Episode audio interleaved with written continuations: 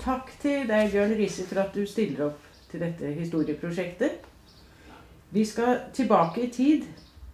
Du ble uteksaminert fra sosiallinjen ved Norges kommunale sosialskole i 1964. Ja. Men allerede i 1961 startet du fritidsklubb på Oppsal, en drabantby i Oslo, sammen med ungdommene. Hvordan kom det i stand? Det var jo at jeg hadde vært i militæret som velferdsoffiser. Eh, var, jeg hadde gått en befalsskole, og så var jeg ikke noe interessert i å fortsette der. Og så gikk jeg innom arbeidsformidlingen av alle steder og så et oppslag fra ungdomskontoret om at de trengte klubbleder til nystarta fritidsklubb.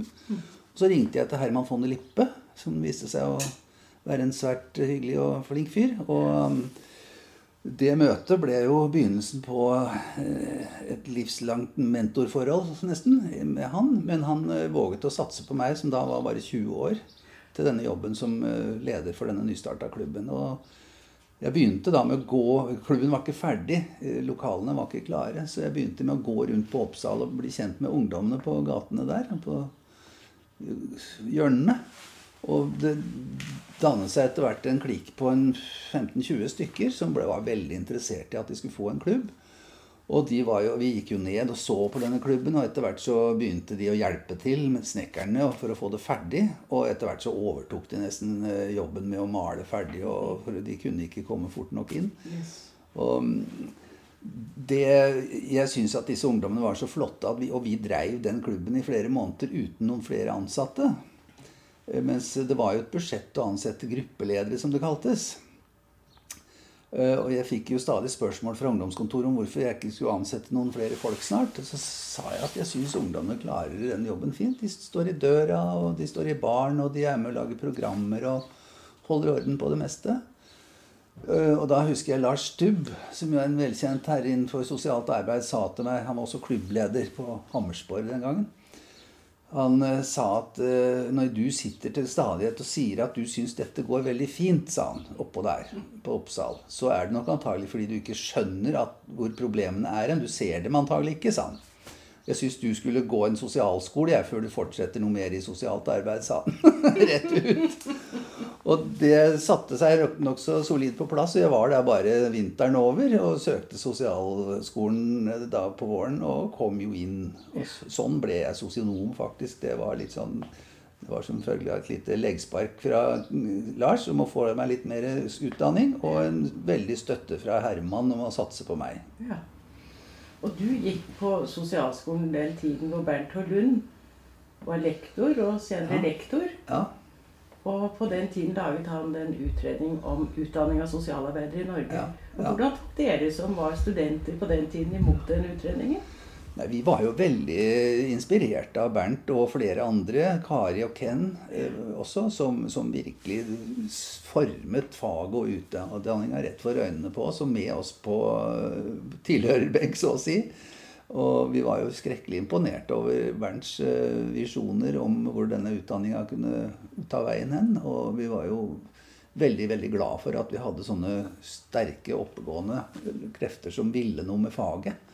Og det satte seg jo i bånda av oss alle på den tida. Og vi trodde jo Vi ble jo veldig, veldig inspirert av sosialt arbeid og det å skulle bli, bli sosialarbeidere. Og denne nye loven sosial omsorg kom, jo også i, 65, så det skjedde mye endringer og store grep på den tida som vi syns vi fikk være en del av å sitte orkesterplass å delta i.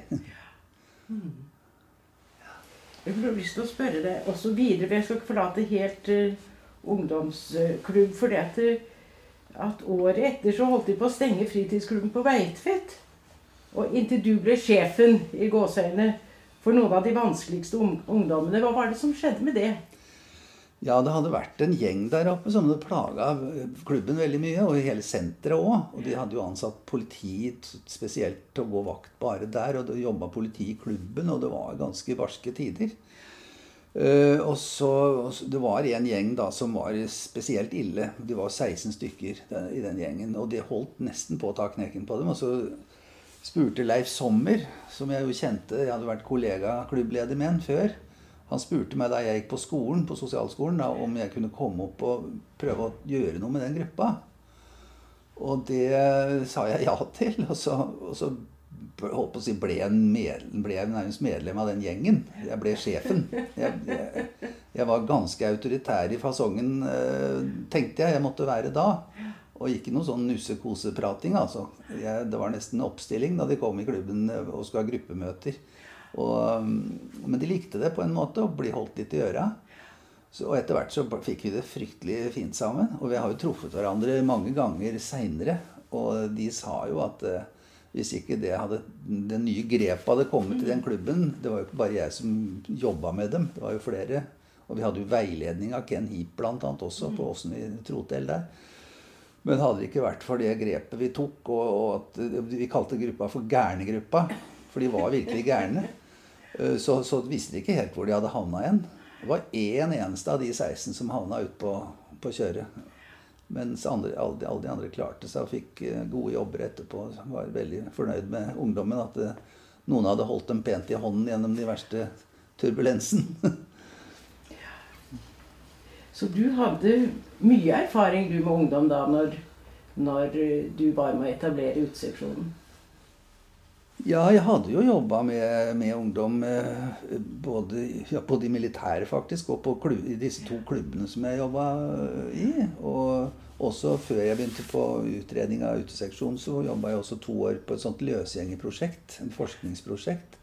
Der var det jo mest eldre, men det var jo også unge som da var ute og seile med rus uh, i byen om nettene og langs Akerselva.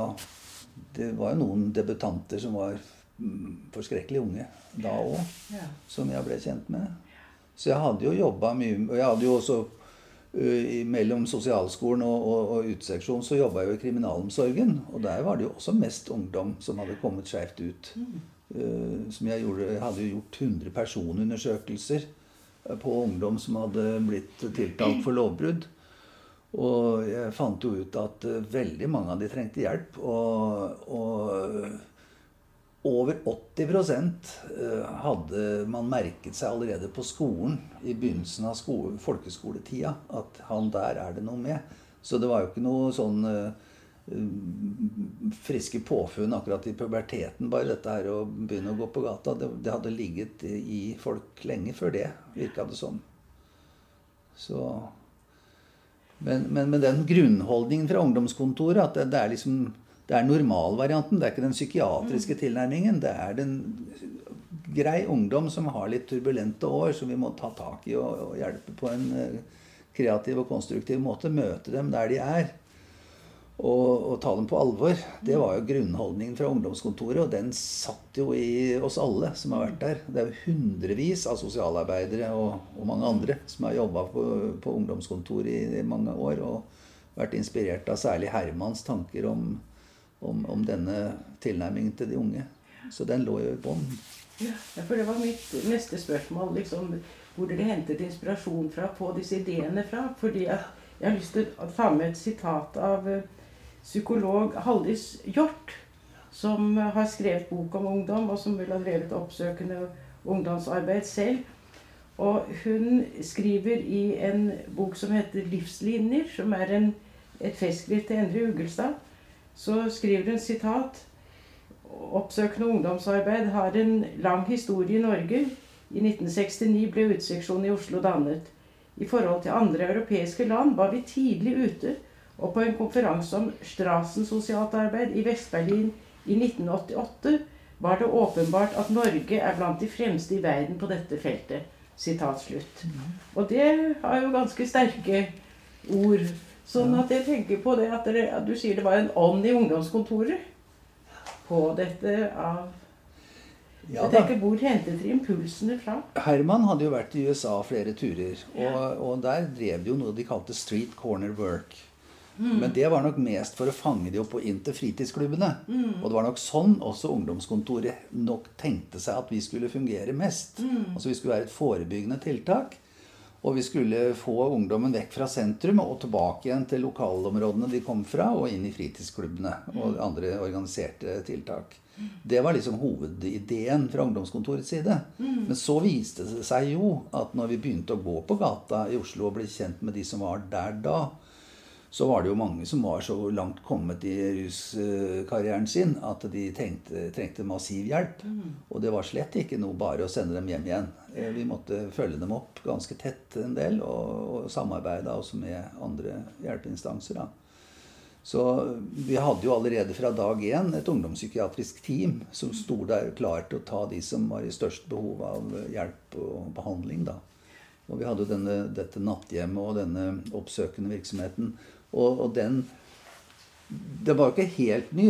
Øyvind Tutvedt hadde faktisk vært på gata sammen med Blackie-gjengen flere år før. han. Mm. Blackie-gjengen herja litt med nede i sentrum. Og han gikk inn i den og ble kjent med de og jobba litt med de innenfra. Mm. Så, og Jan Aas, parallelt med dette her, han var jo leder for Motorungdomssenteret på Vervenbukta. Han hadde også kjørt Han var jo norgesmester i rallycross og var en tøff type og et navn i motorkretser den gangen.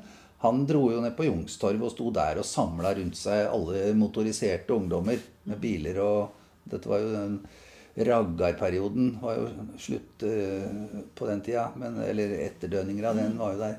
Og motorsykkelungdom var det. Så han fikk de også til å kjøre lang kortesje fra Youngstorget og ut til Vervenbukta. Og fikk de inn der og begynte å jobbe med de mer systematisk. Og laga, laga kunnskap om motor og, og, oppføre seg ordentlig i trafikken og sånn som, som, ledende idealer i stedet for å drive og kappkjøre ned i sentrum. Så det var flere forskjellige miljøer og personer som holdt på litt med oppsøkende arbeid. Men vi, altså uteseksjonen var jo satt i massivt system. Vi hadde jo ute, utegående feltarbeiderteam eh, nesten hver kveld året rundt. Men hvordan, hva, hvordan, ble det drevet i oppsøkende arbeid? Du nevnte noe med disse motoriserte kjøretøyene. som ja. men, men hva besto det oppsøkende arbeidet i? Det besto i å gå to og to rundt i de miljøene i sentrum. I de strøka i byen. Vi visste det var ungdom som var på drift, som vi kalte det som var litt eh, rotløse, eller som, eh, som, hadde søkt til sentrum for å finne spenning. Og etter hvert eh, viste det seg jo også rusopplevelser. Det begynte jo på Nisseberget. Mm. De to første vi ansatte, var jo slett ikke utdanna sosialarbeidere, men de var veldig gode til å snakke med ungdom ute på gata. For de hadde vært litt der sjøl.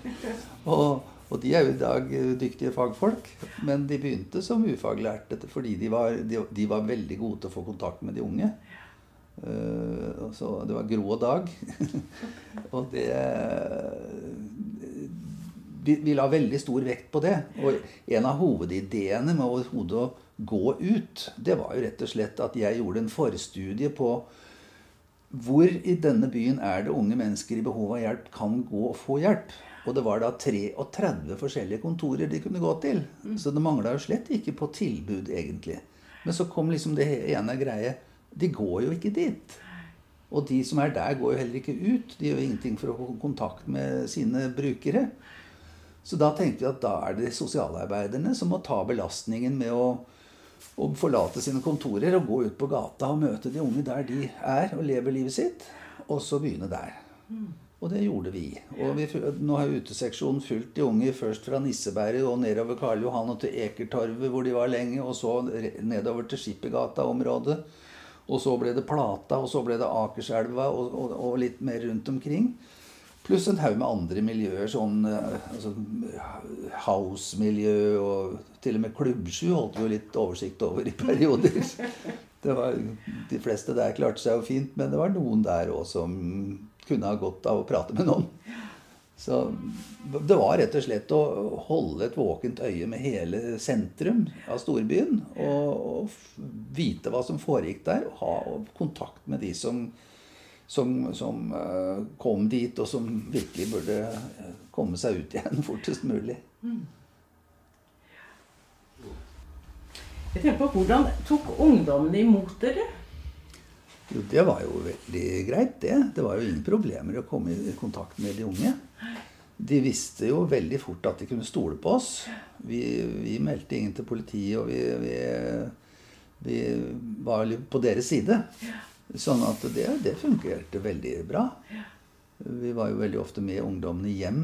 Eh, fulgte de hjem igjen og satt om natta og snakka med foreldrene deres. Og, og der tror jeg nok vi dempa mye konflikter mellom barn og, og, og foreldrene. Og, nei, det, det syns jeg fungerte veldig fint. Var det samme med foreldrene? For det var vel kanskje litt sjokk å komme noen Ja, men de skjønte nok at ikke vi kom med noen maktmidler i, i baklomma. Vi hadde jo ingen penger, ingen lovhjemler, ingenting. Vi bare hadde oss sjøl. Det var det eneste vi kunne spille med. Vi kunne lytte på folk og høre hvor de var, og hva de sa, og hva de ville. Og så kunne vi prøve å støtte dem av gårde på en ny vei. Det var liksom eneste, vårt eneste verktøy. Og det viste seg å være mer effektfullt enn eh, enn å, å disponere. Ja, ja, vi hadde jo disse sengene på natthjemmet, da. Det var jo en slags ressurs uh, som, som en del måtte benytte seg av. Og det var jo fint å ha der. Ja. Hvem var det som benyttet seg av det? Det, var jo stadig vekk noen som ikke hadde noe sted å gå. Eh, enten fordi de ikke kunne komme hjem, eller de hadde ikke noe hjem i nærheten. Og de var for slitne og for dårlige til å klare seg ute og, eller finne noe annet. Ingen penger å leie hybler for. det var, det var et tøft liv eh, hvis de først var litt i gang i den karrieren der. Så, så de, vi hadde sagt i utgangspunktet at det skulle bare være tre døgns begrensning for å bo der. Den første vi tok inn, han bodde der et halvt år. Så vi var veldig eplekjekke på prinsippene i starten, men virkeligheten styrte oss ganske effektivt i andre retning. Så vi bare fulgte med på det som meldte seg av behov. i. Du tenker på Hans Jakob Stang har vært knyttet til uteseksjonen Ja. som lege og psykiater. Ja. Og han eh, skriver i boka 'Ungdom i drift' fra 1976. Jeg har lyst til å sitere noe hva han sier om ungdommene der. Han sier at et sentralt trekk fra starten var at misnøyen med de aktuelle livsbetingelsene drev enkeltindivider og grupper til de nye ungdomsmiljøene i håp om å finne alternative livsformer. Og videre så sier han at det dreier seg ikke bare om mislykket ungdom eller tapere, men også om ungdom som aktivt gjennom arbeid, skole og politisk virksomhet hadde forsøkt å finne plass i det sosiale liv, men var skuffet. For mange var ikke det primære mål å få narkotiske stoffer, men å oppsøke meningsfeller og finne en ny tilhørighet. For mange lyktes dette, og de første årene var det slående å merke den begeistring de knyttet til det nye gruppefellesskapet. Så sier han at de unge kom fra høyst forskjellige sosiale kår, men felles for alle var en dyp misnøye med det samfunnet de var født inn i. Og så har jeg lyst til å spørre deg, hvordan oppfattet dere som jobbet med dem til daglig eller nattlig, disse ungdommene? Ja, nei, altså Det er klart vi, vi kjente jo litt til de miljøene som jobba litt alternativt, og som var politisk bevisste. Eh, Det var jo mange strømninger på den tida. Kampen mot Vietnamkrigen samla jo veldig mange bak sine faner. Og hippiebevegelsen, altså frigjøringa fra alt det derre eh, alle spillereglene som de, voksne autoritære foreldrene hadde skapt, eh, det var jo en, opprørsbevegelse i seg sjøl. Men ellers må jeg nok si er ikke, det er ikke sånn påtrengende inntrykk at de var så veldig politisk bevisste, og at det var opprøret som prega dem mest. sånn i, i, det var mer at de hadde ramla kanskje ut av skolen eller eh, skåret seg med foreldrene. Altså De hadde snubla litt, og så, var de, så, de, så fant de jo et aksepterende miljø som, som godtok dem som de var. Og enten de brukte stoff eller ikke brukte stoff, så de, altså de kunne være, være seg sjæl og, og, og, og gjø- være frie. Og leite litt og snuble litt og, og på en måte gå, gå sin egen vei. Det var vel i grunnen hvert enkelts prosjekt. Mer enn at det var noe mer sånn eh, politisk i det. Jeg var jo, var jo med i starten av Kristiania i København. Og der var det også det, det er klart det var veldig mange spennende forsøk på å skape alternative ting. Et sted å være var jo et sånt prosjekt i Oslo her. Og jeg tenkte på Twin-bevegelsen, Kristiania eh, og en haug med sånne alternative miljøer, sånn som anarkisten anarkistene i Hjelms gate. Det poppet jo opp med masse sånne miljøer for de litt mer eh, politisk sofistikerte, som er spesialinteresser. Eh, og, og, sånne, og en del eh, mange, I mange av de miljøene, Klubbsky f.eks., der var det jo Det gode borgerskap gikk jo der, men også ekstremt eh, ja, Sånne utafor-folk gikk jo dit. Og det var jo også en smeltedigel hvor alt var lov. liksom Du ble godtatt og kunne komme som du var. Og jeg tror alle, jeg òg, opplevde behov for å ha, ha forankring litt i sånne miljøer. Jeg gikk masse på Klubb 7.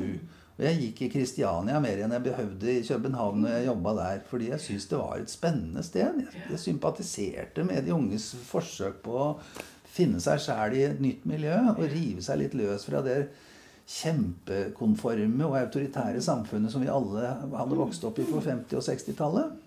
Og det, det, var en helt nødvendig frigjøringskamp fra alle kanter, nesten. Og det var Stoffmisbrukermiljøene i sentrum var eh, delvis også knytta opp mot sånne miljøer. Men mest, mest altså når folk blir dårlige og sliter med å overleve, nesten, og blir skikkelig nede i kjelleren og preget av rusmisbruket sitt, da er liksom overskuddet til å tenke politisk og skape nye offensive veier ikke så veldig til stede lenger, tenker jeg. Så no, noe av det vi ville jo ha dette aksjonssenteret i Pilestredet. som vi, vi, vi, fikk dette huset som Blitz har hatt siden. Mm. Uh, hvor vi jo ville i gang med å gjøre noe i retning av det faktisk Blitz mer eller mindre fikk til etterpå. Mm. Mm. Vi syntes at de unge skulle ha et aksjonssenter hvor de kunne jobbe ut fra egne premisser og skape sine egne uh, organisasjoner, sine egne aksjoner, sine egne prosjekter. Uh, det begynte jo så vidt. uh, men så ble, skjedde det ting i organiseringen etter at det var slutta, som gjorde at de, de overlot til huset til Blitz. Og det var kanskje like greit. Jeg syns Blitz og Radio Rakel og en haug med andre har klart det der vel så bra som kommunen ville klart, for å si det sånn. Så, ja.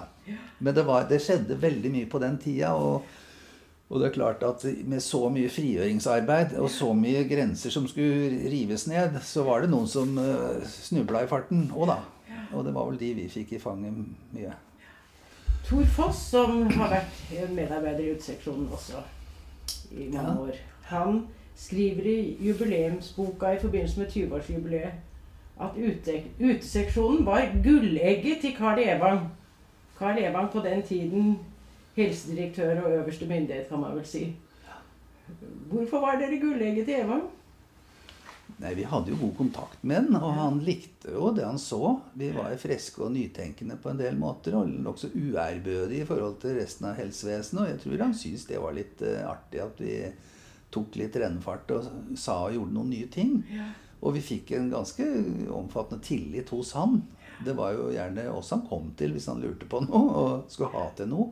Sånn som da han hadde fått beskjed eh, fra, gjennom UD fått beskjed fra ambassaden i København, fra konsulatavdelingen der nede, at uh, nå har vi så mange ungdommer på trappa her som har rota seg vekk i København at vi klarer ikke å håndtere dem lenger.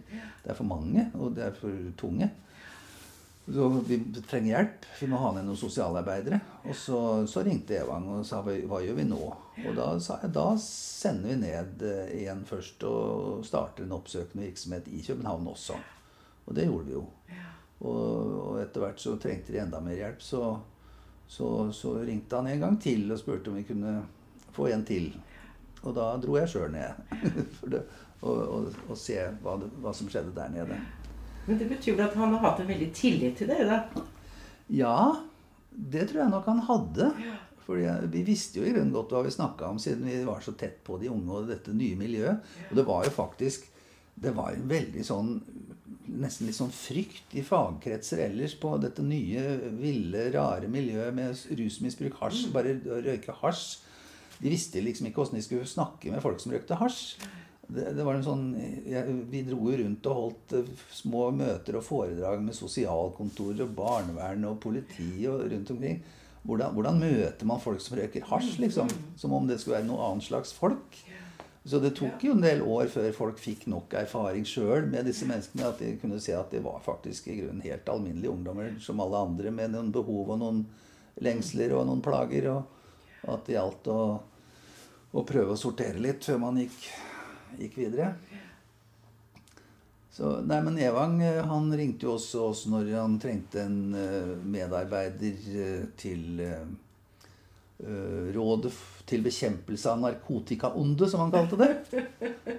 Så jeg sa til Evang en dag du må slutte med å kalle, kalle et råd for å bekjempe et onde. Du snakker om noen klienter og noen brukere her som Det er ikke bra å stemple dem sånn.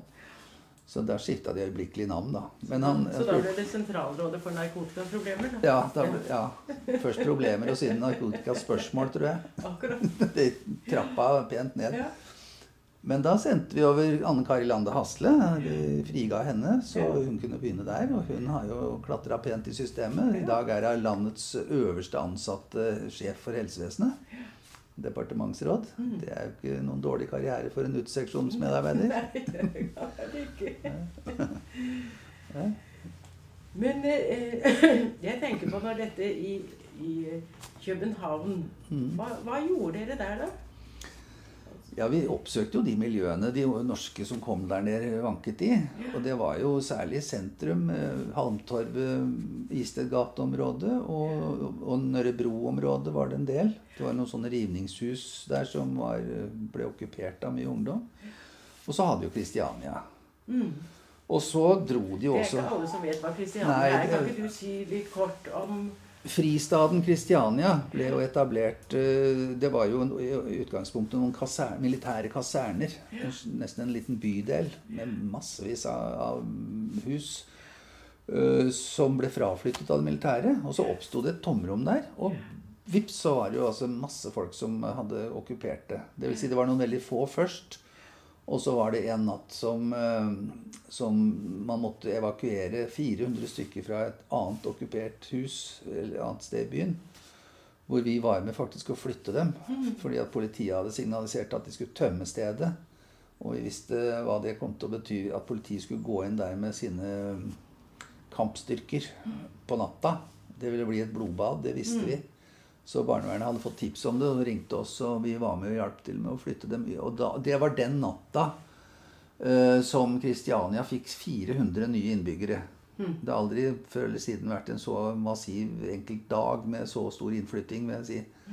Og, og konsulatavdelingens, eller vår, hvite folkevognbuss med CD-skilter deltok aktivt da i denne transporten.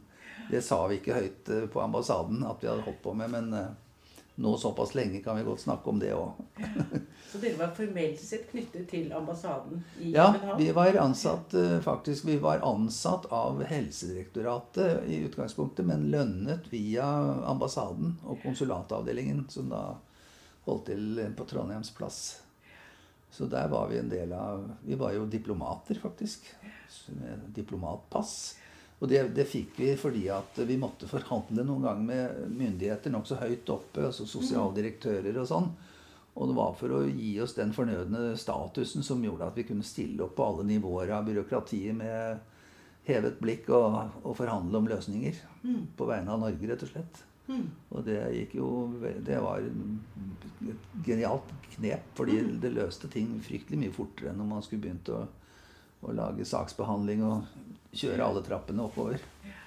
Men Betyr det at dere fikk tilført ressurser også? Da tenker jeg på materielle ressurser i form av økonomi, jeg tenker på hjemsendelse, som kanskje var aktuelt for noen, og kanskje opphold på institusjoner. Der fikk Ja, dere Nei, vet du hva, det, det, var, eh, det var danskene som betalte det meste av det.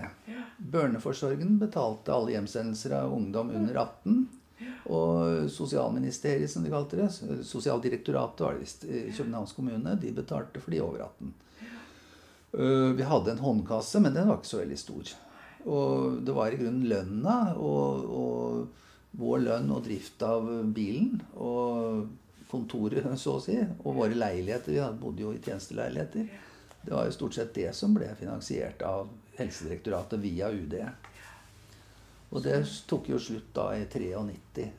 Fra, det var fra 70 til 93 var den tjenesten der. Så det er vel en sånn noen og 30 norske sosialarbeidere som har vært der nede og gjort tjeneste der siden. Så det var jo en svær virksomhet. Og det var nødvendig, men nå er nok ikke det behovet så stort. Men jeg var for 14 dager siden jeg var nede i København og besøkte den danske sjømannskirka.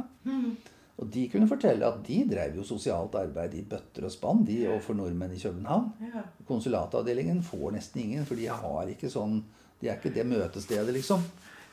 Det skal mye til at folk går på konsulatet.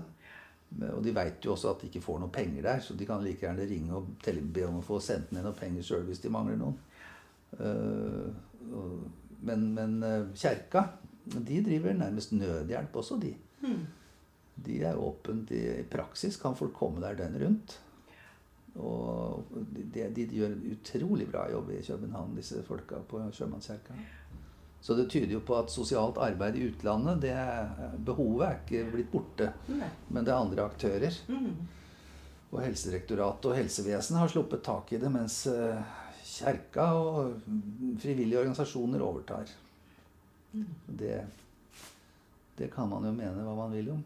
Men vi er nok ekstra gode i Norge til å følge etter folk som har problemer. Oppsøke dem også. Jeg tror det er en tradisjon vi har om at vi gir ikke opp folk fordi de tuller seg bort, om det så er i utlandet. Altså, jeg ble spurt en gang om å være med å evaluere sosialtjenesten i London. Jaha. Og Bjørg Eimstad jobba der borte. Og de skulle vurdere om de fortsatt skulle ha den tjenesten. Og vi syns jo det virka ålreit, selv om sjøfolka der borte var jo blitt færre. Men derimot var det au pair, og det var militære, og ikke minst businessfolk og studenter som kom. Og det bodde jo 8000 nordmenn i, i Stor-London. Og en del av de hadde jo til enhver tid noen problemer.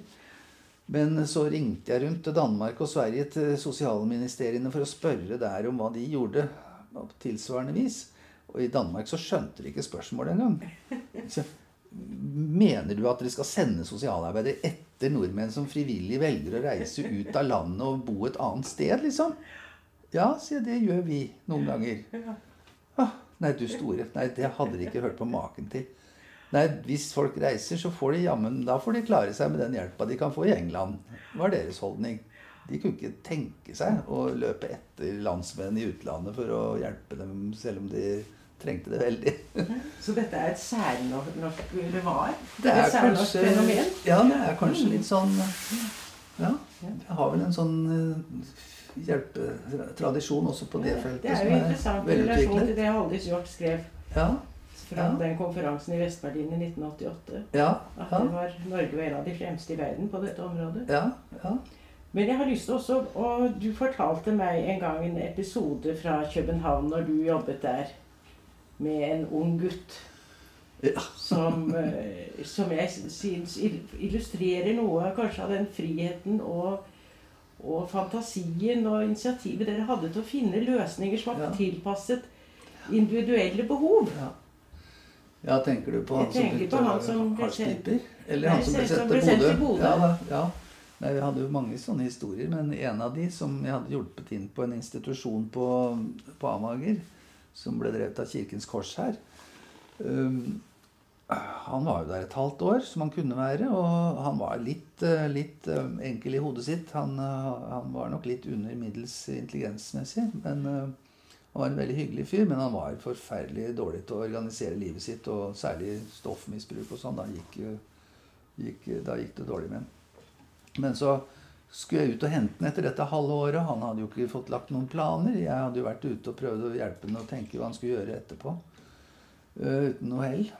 Og så sitter han ved siden av meg i bilen og den store bagen sin. Og så ser han på meg med store øyne og smiler over hele fjeset og sier 'Jaha, hva, hva gjør vi nå?'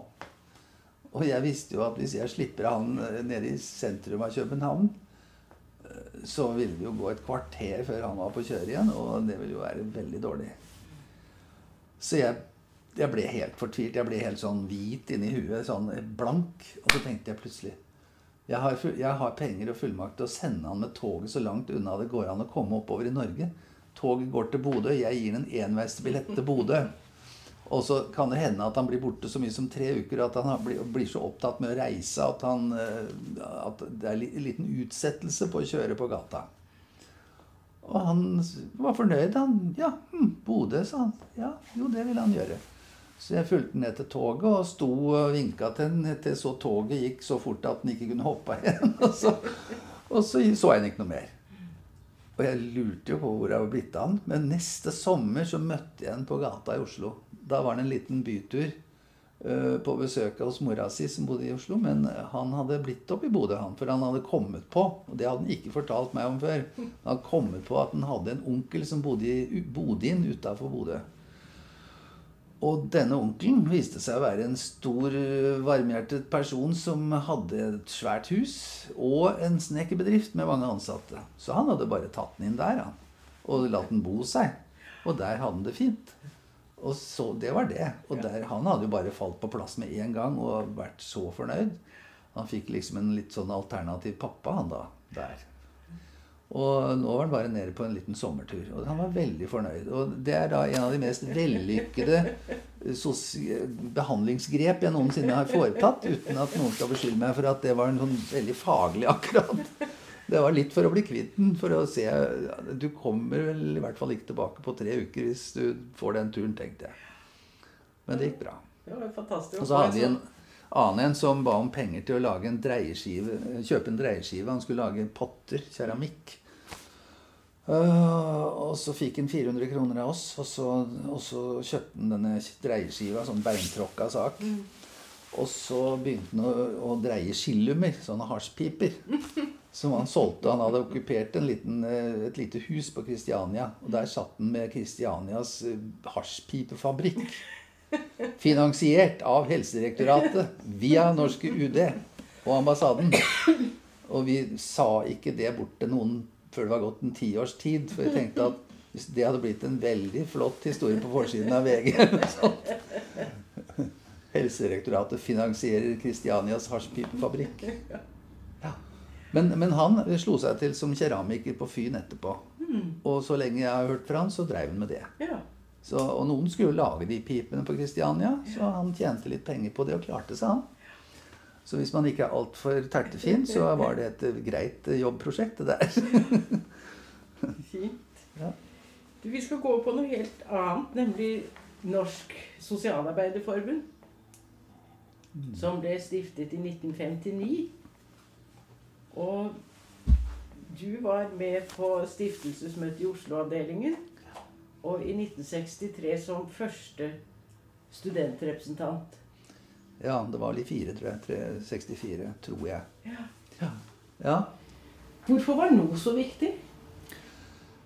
Det var en del av den begeistringen for et fag i emning og en voldsom selvtillit som vi syns vi etter hvert hadde. På, og vi traff jo så mange flotte folk som var aktive. Gerd Hagen og Påvesund Hjort og Annelise Svendsen og Det var altså eh, Tor Kolsrød og Bernt Lund var jo også med og mhm. dytte i kulissene der. Og Tutvedt Det var veldig mange oppegående folk som ble mhm. modeller for oss studentene. Og, som, eh, og det var jo liksom Vi skjønte at vi måtte ha en fagforening. Det var jo et ungt fag i Norge, sosialt arbeid.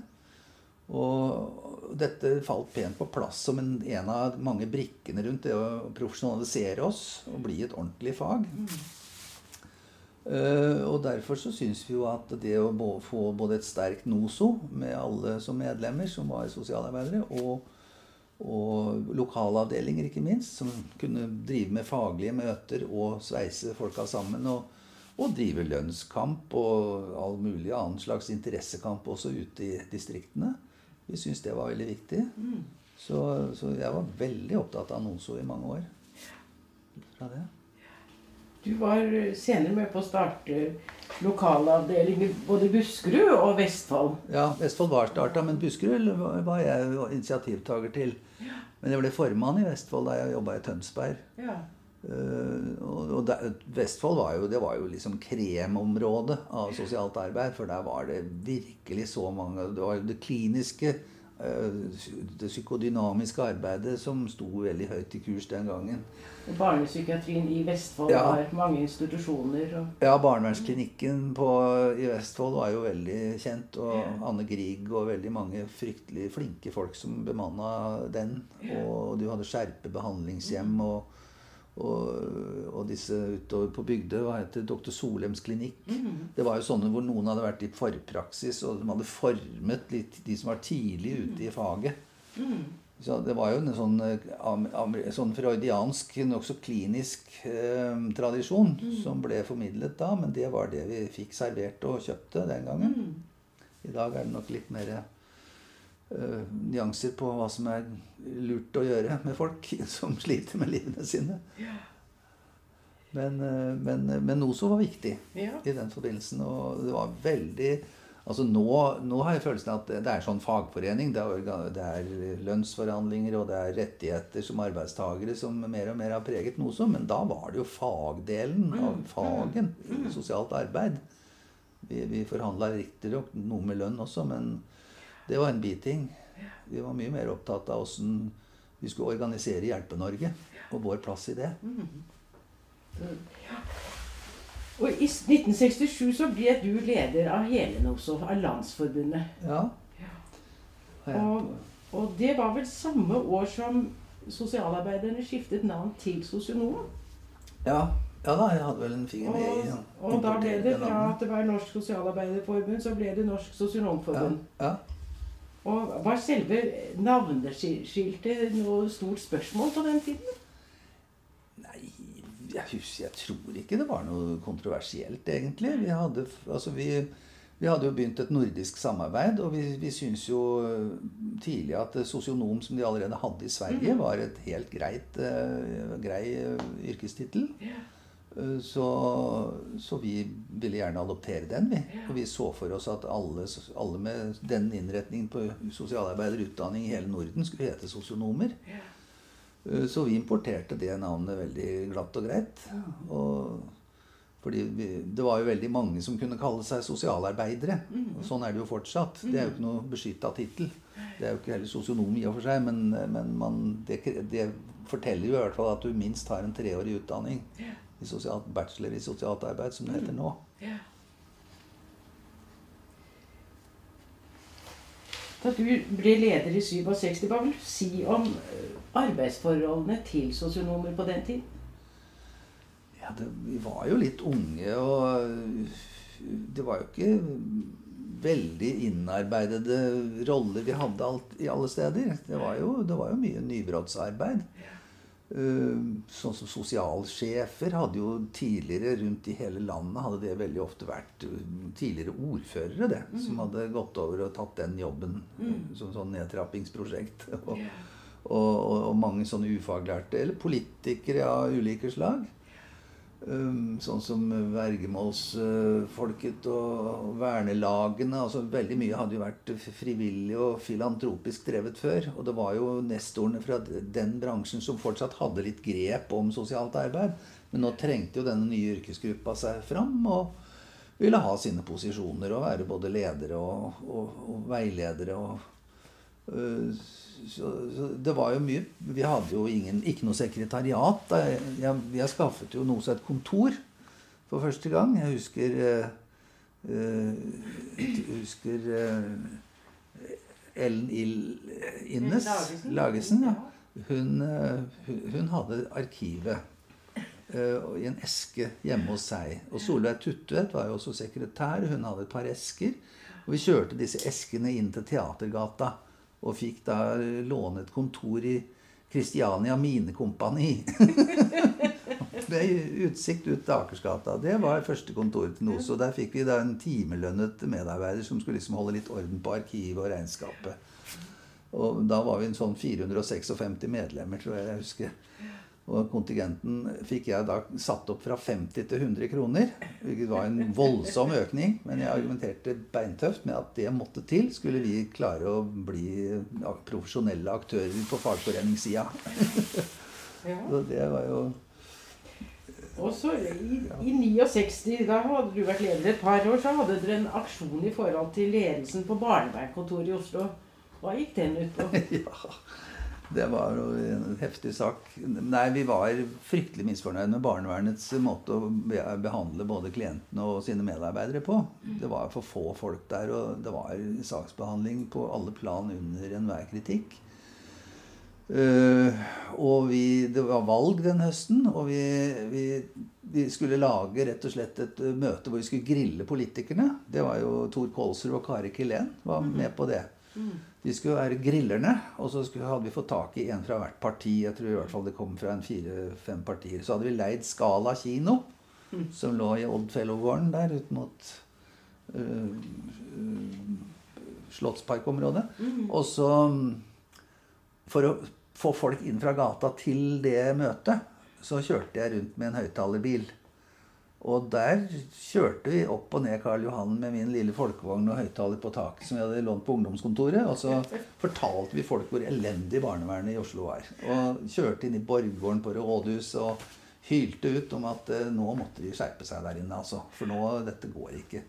Og det ble forferdelig ståhei. Men, det, og det kom en sånn halvfull kinosal i hvert fall. Og vi fikk satt det på dagsorden for å presse fram noe, noen forbedringer på barnevernssida. da. Så det var en nokså primitiv aksjonsform, men eh, vi brukte det vi hadde. Vi hadde ikke så mange andre muskler enn kjeften da heller. Så jeg vet ikke om det gjorde noen grensesprengende effekt på barnevernet, men det var kanskje et lite drypp med for å få det litt mer Dere engasjerte dere ut, utad sosialpolitisk. Ja. Dere hadde også en tilsvarende aksjon i forhold til, til eh, eller forhandlinger, i hvert fall med skolepsykologisk kontor og ja. sosionomenes plass der. Kan, ja. du si jo. litt om hva den gikk ut på? Det gjaldt vel både lønn og plassering i et hierarki der. Det var, det var rett og slett både organiseringen av arbeidet og, og for, for, å tilkjempe seg en faglig plass, rett og slett. Og for å mm. få lønnsmessig og statusmessig anerkjennelse for den plassen. Og der hadde vi noen ganske barske forhandlinger som jeg mener vi vant solid, og fikk orden på ting veldig fort. Det er, det, det er noe jeg ser tilbake på som en veldig vellykket uh, forhandlingsaksjon mm. som vi kjørte der. Men jo, vi hadde jo også en lønnsaksjon. Vi hadde jo ikke noe streikerett akkurat uh, den gang. Vi var jo ikke med i LO eller noen ting. Men vi hadde bestemt oss bare for en lønnsklasse, vi, som skulle være begynnerlønnsklassen. Og etter så og så mange år så skulle det være Det skulle minst være 11 som startlønnsklasse. Og så skulle det være 14 etter tre år.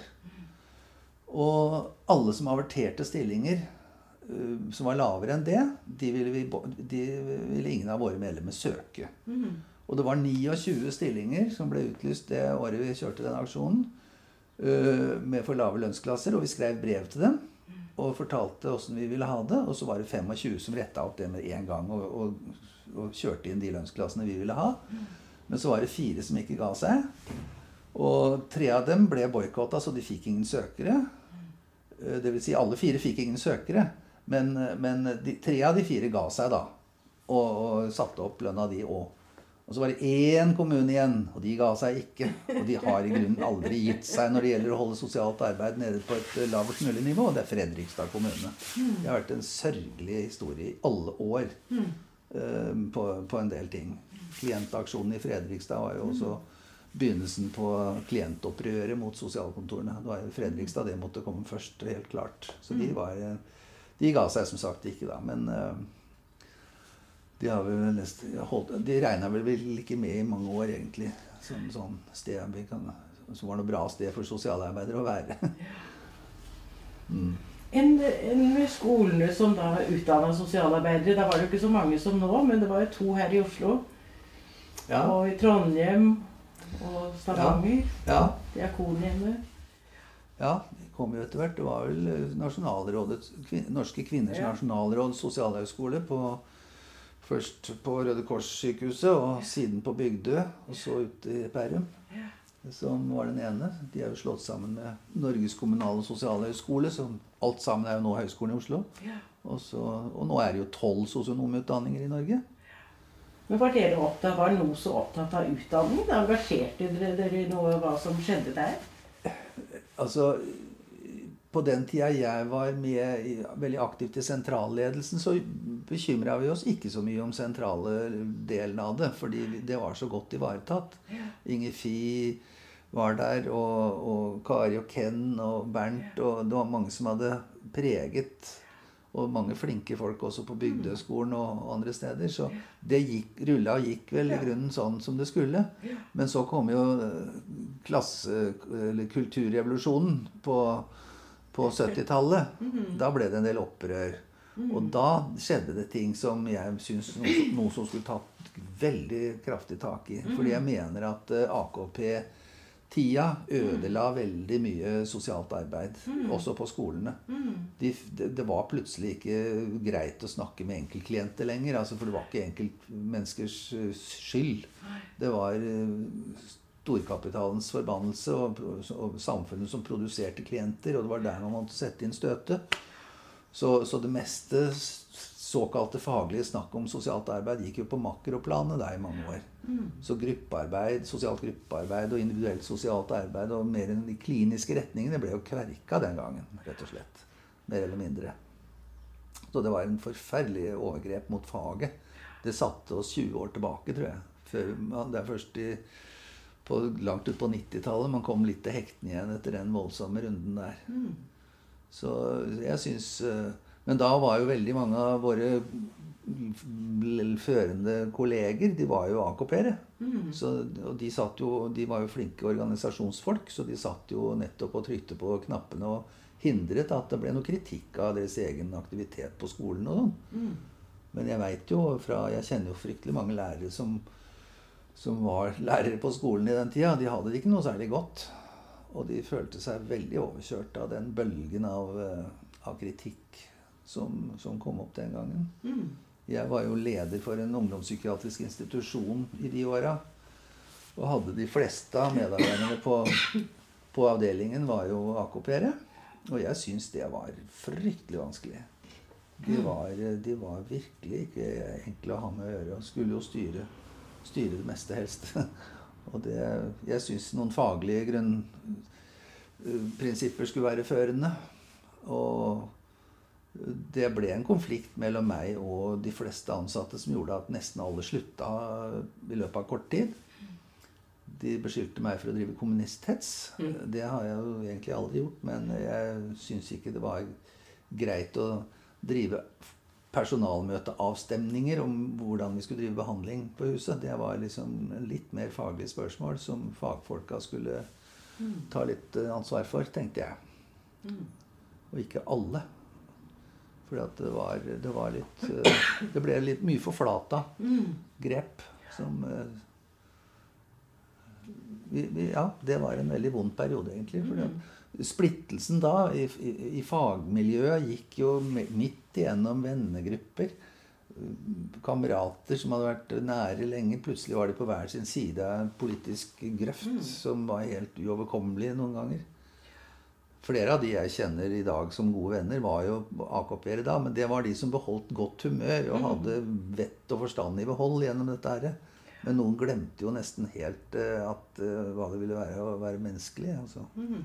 Og, En periode splitta de jo også Oslo-avdelingen av ja, ja, ja, har slutta å gå i på NOSO-møter. Rett og slett fordi at et par stykker som jeg nesten godt kunne sagt navn på, Den hersa der så fælt at det ble helt umulig, og, tenkte jeg. Ja, samfunnsarbeid. I 1979 så ble du ansatt som høyskolelektor i samfunnsarbeid på Norges kommunale sosialhøgskole. Og jeg har lyst til å spørre deg hva innebar det? Ja, det var jo i praksis eh, å ta seg av den delmetoden i sosialt arbeid som heter, eller sosialt arbeid da, som heter samfunnsarbeid. Altså det var individuelt, og så var det gruppearbeid. Og så var det administrasjon og planlegging, og så var det samfunnsarbeid. Og det var liksom jobbinga på makroplanet, eller på nærmiljøplanet, eller på prosjektnivå. Å drive, drive sosialt arbeid ut fra interessegruppers og grupper med spesielle behov sine interesser og sammen med de på en annen måte enn å sitte og administrere dem. Eh, Så vi, vi hadde jo et svært prosjekt som skolen var med i, eh, Sosialhøgskolen var med i, som het Grønland Nedre Tøyen-prosjektet. Ja. Det var jo et sånt nærmiljøprosjekt på Grønland for å støtte beboernes eh, kamp for et bedre bomiljø og mot eh, rasering av bydelen. Eh, og det var en byfornyelse som skulle til, som var iverksatt av Oslo kommune og eh, noen bygningsfagforeninger og noen banker eh, som så et, en mulighet til å nærmest drive ned hele Grønland og bygge noe nytt. Det ville jo da gått veldig utover de som hadde bodd der lenge. De gamle og de uten særlig mange penger måtte jo bare ut. Og dessverre skjedde jo også det delvis. Men vi jobba veldig mange år da, eh, sammen med beboerne for å stå imot den utviklingen og for å forbedre bydelens bokvalitet og livskvalitet. Kan du si, Uten at det skulle koste skjorta for de som bodde der. Og da, dette var det studenter som var med og ut, Ja da. utførte? Vi hadde med studenter, men det var Laila Kjellmann bl.a. som var en eh, Hun hadde jo en samfunnsarbeiderutdannelse fra England. Eh, Og Paul Tynes var noe med på dette. Og vi hadde leger og jurister og mange andre arkitekter til og med som var med på beboernes side for å være støttespillere i kampen for en bedre bydel. da. Så det var ett eksempel på, på et sånt samfunnsarbeidsprosjekt av en sånn klassisk type. Men, eh, men jeg mener jo at eh, samfunnsarbeid er jo ikke noe vi kan hevde er noe sånn veldig spesifikk eh, sosialt arbeidmetode lenger, tenker jeg. Fordi i dag bruker alle interesseorganisasjoner sånne grep. De bruker media, de lager aksjoner, de protesterer, de utreder alternativer, de bearbeider politikere, de går i tog, de sperrer gangveier. altså alt det der, alle de der uskikkelighetsgrepene som, som man må noen gang ta i bruk for å få det som man vil, det, de bruker jo nesten alle i dag. Eh, Men eh, sosialt arbeid hadde det på kjøreplanen som delmetode som vi skulle stille, være med og hjelpe beboere til å bruke. Når du sier media, du var også var med å starte Groruddalen lokal-TV. Ja. Hva var det for noe? Nei, Det var som en følge av et sånt samfunnsarbeidsprosjekt oppe på Stovner, hvor jeg hadde med meg noen studenter og drev noe som het Informasjonsbutikken. Etter en dansk modell. Eh, Det var å ha et lokale med, med folk fra eh, Det var med folk fra både sosiologi og sosialt arbeid og, og bibliotekene der. Så, og så plutselig ble det klart at vi hadde at eh, kulturminister Lars Roar Langslett, som hadde, mm, var fra Høyre da, han begynte å gi noen signaler om at det nå kanskje kunne være på tide å myke opp dette NRK-monopolet. Og så ringte jeg inn eh, til departementet og spurte om det var sånn at man nå kunne søke eh, om å få en konsesjon til å drive med lokal-TV. Og det var det. det. Det kunne vi jo bare gjøre, sa han eh, Roy Christiansen, som i dag er ekspedisjonssjef der. Og så sendte jeg inn en søknad ja, om, og ba om at det prosjektet kunne få konsesjon til å sende lokal-TV på kabel i Groruddalen. Og det fikk vi, til min store forskrekkelse. For vi hadde jo ingen peiling på TV. Og vi hadde ingen penger. Og vi hadde ikke noe sted å sende. Vi hadde gjort avtale om heller. Men eh, dette gikk seg jo til. Så vi sendte jo faktisk lokal-TV flere ganger i uka i 13 år der fra den dagen. Eller fra noen måneder seinere, da. I 82. Nå eh, i høst, eh, i 2012, så er det akkurat 30 år siden eh, det prosjektet startet første gangen. Og vi, vi kjørte jo veldig mye sosialt arbeid og kulturting ut på den kanalen. Vi gjorde i grunnen ikke noe annet. Og hadde med flere hundre studenter og beboere i Groruddalen på å lage disse TV-programmene. Så det var sånn grasrot-TV. Brukerstyrt og nedenfra-vinkla. Og fikk satt veldig mange saker på dagsorden ved å være et medium sjøl. Så vi slapp å drive og krangle med redaksjonene andre steder om å få inn det stoffet vi ville ha inn. For vi bare sendte det vi ville, vi. Så dette holdt vi jo på med veldig lenge, som sagt. Og, og, og det kaller jeg, dette kaller jeg egentlig i ettertid for samfunnsarbeid også. For dette hjelper eh, underprivilegerte grupper å få fram eh, behov og synspunkter. Og det er en maktfull, kraftfull aktør i, i, kampen om ressurser og oppmerksomhet i et moderne samfunn. Så jeg, har tenkt å lage et lite seminar på 30-årsdagen for dette prosjektet, hvor, eh, som jeg har tenkt å kalle fra, fra kringkastingsmonopol til YouTube. Fordi at i akkurat de 30 åra så har det jo vært en kjempeutvikling fra en Det var jo en tidspunkt hvor ingen andre enn de som jobba i NRK, fikk ut noe som helst av fortellinger med bilder og lyd til allmennheten. Men øhm, nå kan jo alle alle har en PC på skrivebordet sitt, og alle har tilgang til Internett og, og YouTube. Og de kan plugge inn et lite kamera og sende en snutt ut til hele verden. Så det er liksom helt i den andre grøfta.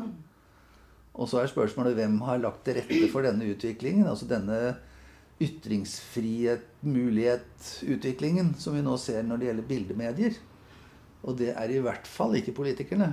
Og det er i hvert fall ikke andre medier som føler en konkurranse ved dette.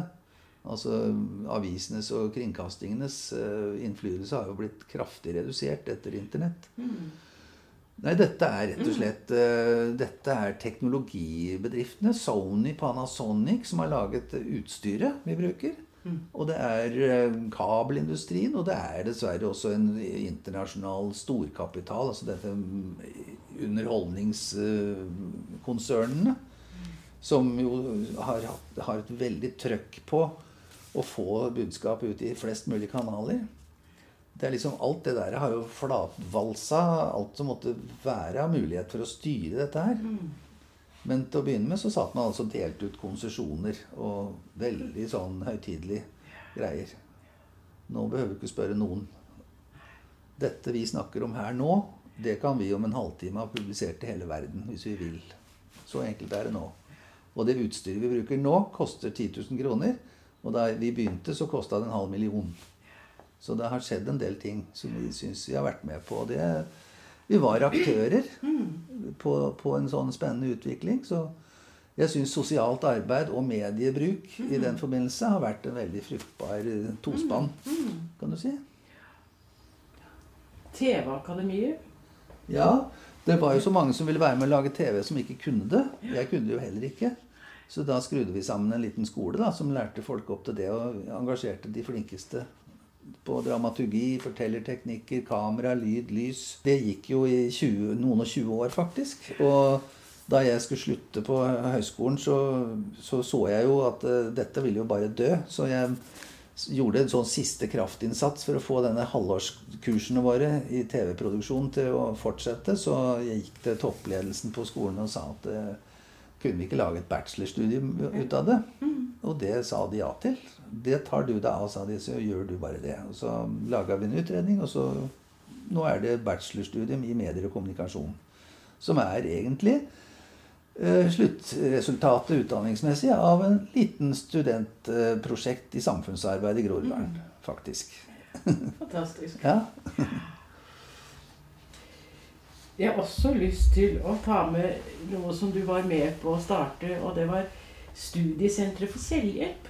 Som var en del knyttet til, til høyskolen, men hadde egne lokaler i Oslo sentrum. Der lå høyskolen på Ammerud. ja. Og dere hadde, Kan du si hva, hva det Studiesenteret for selvhjelp gikk ut på? Ja, vi, eh, vi, Ole Kristian Hjemdal, Sissel Seim og Sigrun Nilsen og jeg var jo fire kolleger oppe på Sosialhøgskolen på Ammerud som, eh, som diskuterte en del om vi ikke skulle søke om midler til et prosjekt som vi kunne ta oss av når det gjaldt altså, ja, selvhjelpsarbeid. Det, dette var jo et begrep som eh, altså, Det har jo vært et honnørord. Hjelp til selvhjelp har jo alltid vært en kjerne i mange fag sine hovedparoler. Men, men vi tenkte at vi vil studere nærmere hva dette nå egentlig handler om. Selvhjelp og brukermedvirkning. Ja, så det ble Ja, og dette med selvhjelpsgrupper hadde jo sett dagens lys eh, en god stund. Det, det er jo egentlig et gammelt fenomen. Eh, og det fantes jo massevis. altså AA er jo et, eh, et gammelt godt eksempel på selvhjelpsgruppevirksomhet og selvhjelpsorganisering. Eh, og vi hadde masse innenfor rusområdet, men det var jo også støttesenter mot kvinner som har vært utsatt for incest, og det var Angstringen og en haug med forskjellige grupperinger som jobbet for, for å komme ut av en, en eh, Med felles interesser og behov da, som ville ut av en offersituasjon, kanskje. Eller ut, ut av et problem. Og som valgte å jobbe med det for seg selv. Og vi ville jo først og fremst se hva er det de holder på med, disse gruppene. Og det, hvor, hvor omfangsrikt er det? Og hvor, hvor det er rimelig å sette grensene for hva vi kan kalle selvhjelpsarbeid og annen type organisering. Og det er en haug med sånne, sånne spørsmål som vi vil kartlegge. Pluss at vi selv vil være aktører. Og vi starta jo opp en hel haug med, med grupper også for å ha nærkontakt med de. Og det, det var jo veldig ofte vellykket. Min jobb i det prosjektet var å være formidler av den forskningen og våre funn. Og jeg drev jo da med TV, så jeg laget ukentlige programmer med disse gruppene. Jeg husker ikke hvor mange vi laga nå, men det var i hvert fall 30-40 sånne selvhjelpsgrupper vi presenterte i tur og orden ut på TV Oslo.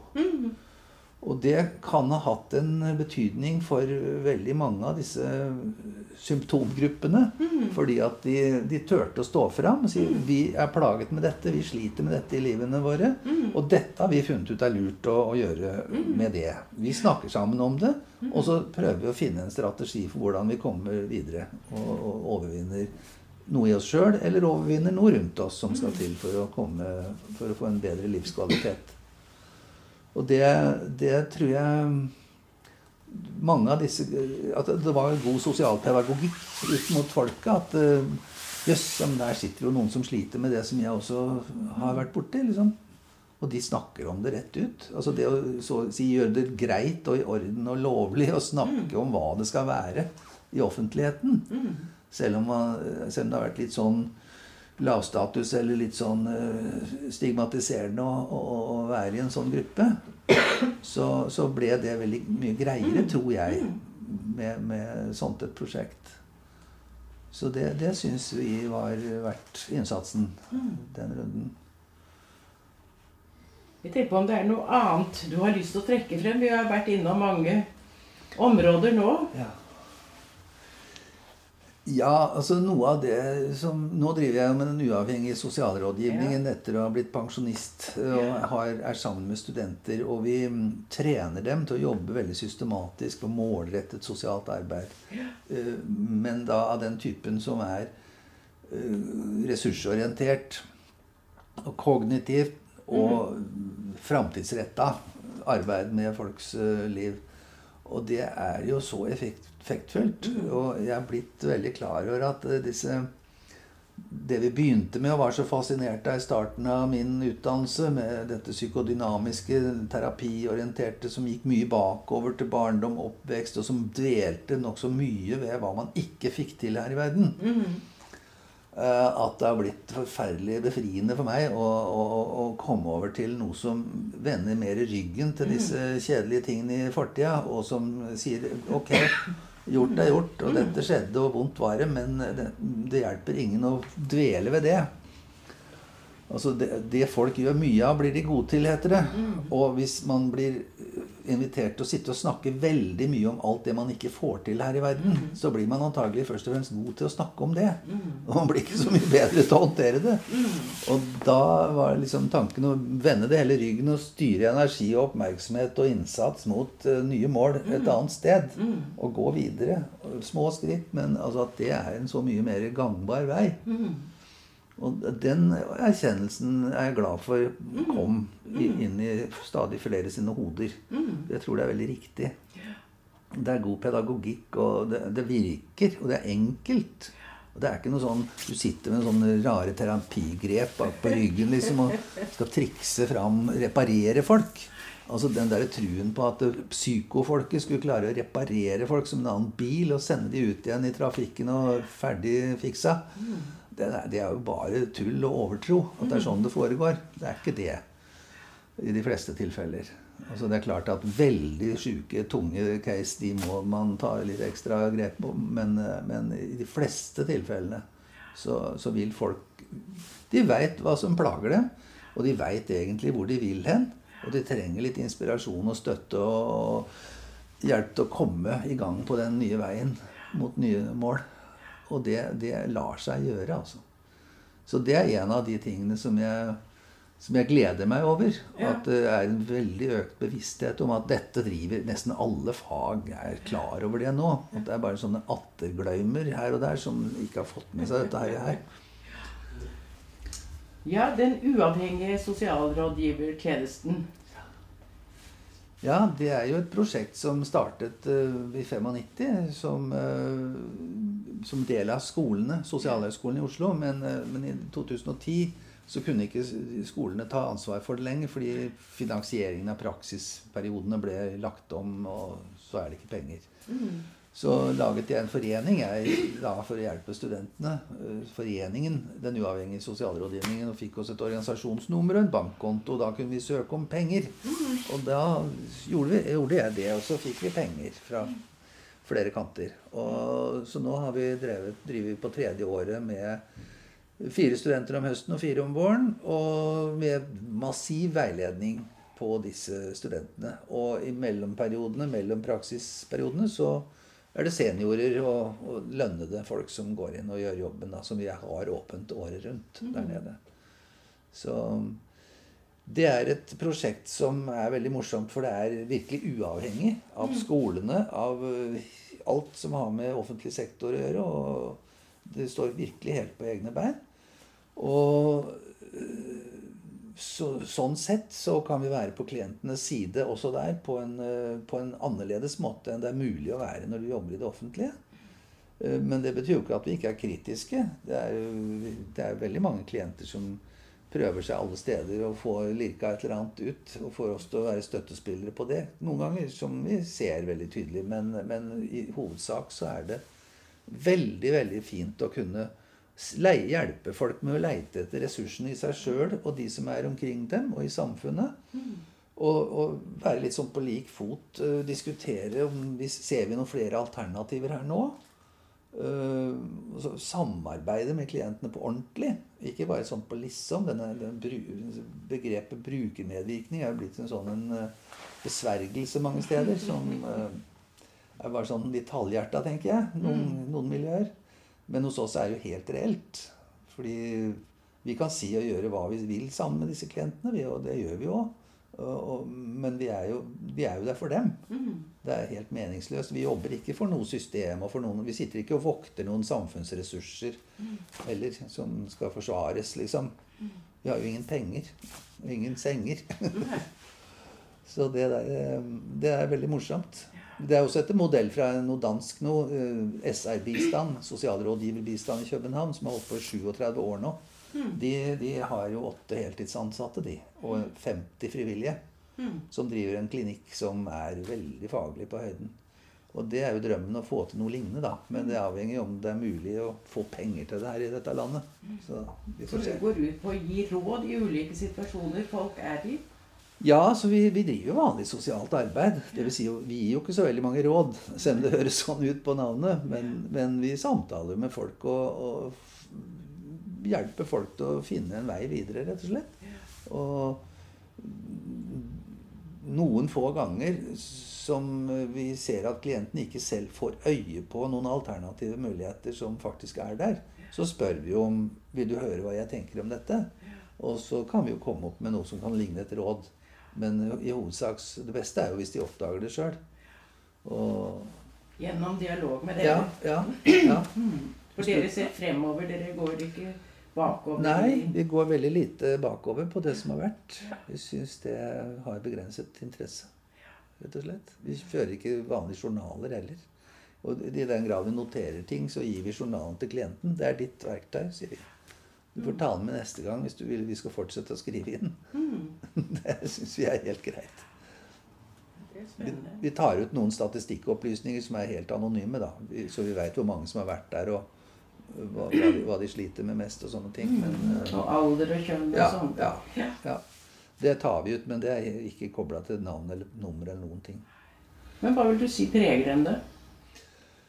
Halvparten kommer jo fordi de har krasja med Nav på en eller annen måte.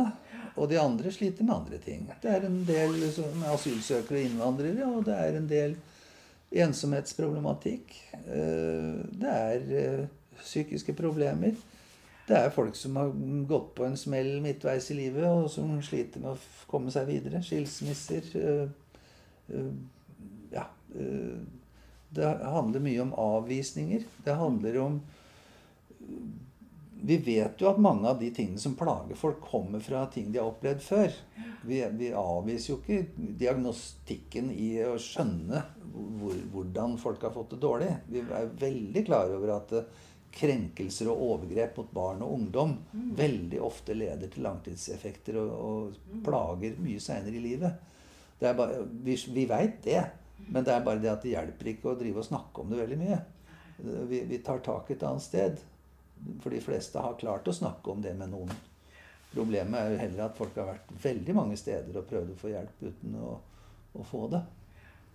Men hvordan får de greie på at dere eksisterer? Dere holder til ja. i Frivillighetens hus? Ja, det er litt sånn fra munn til munn, det der. Mm. Og, og, vi legger ut noen brosjyrer rundt mm. i noen miljøer. Litt på legekontor, litt på noen seniorsentre. Litt uh, i- på Selvhjelpens hus, Fattighuset, sånn litt rundt omkring.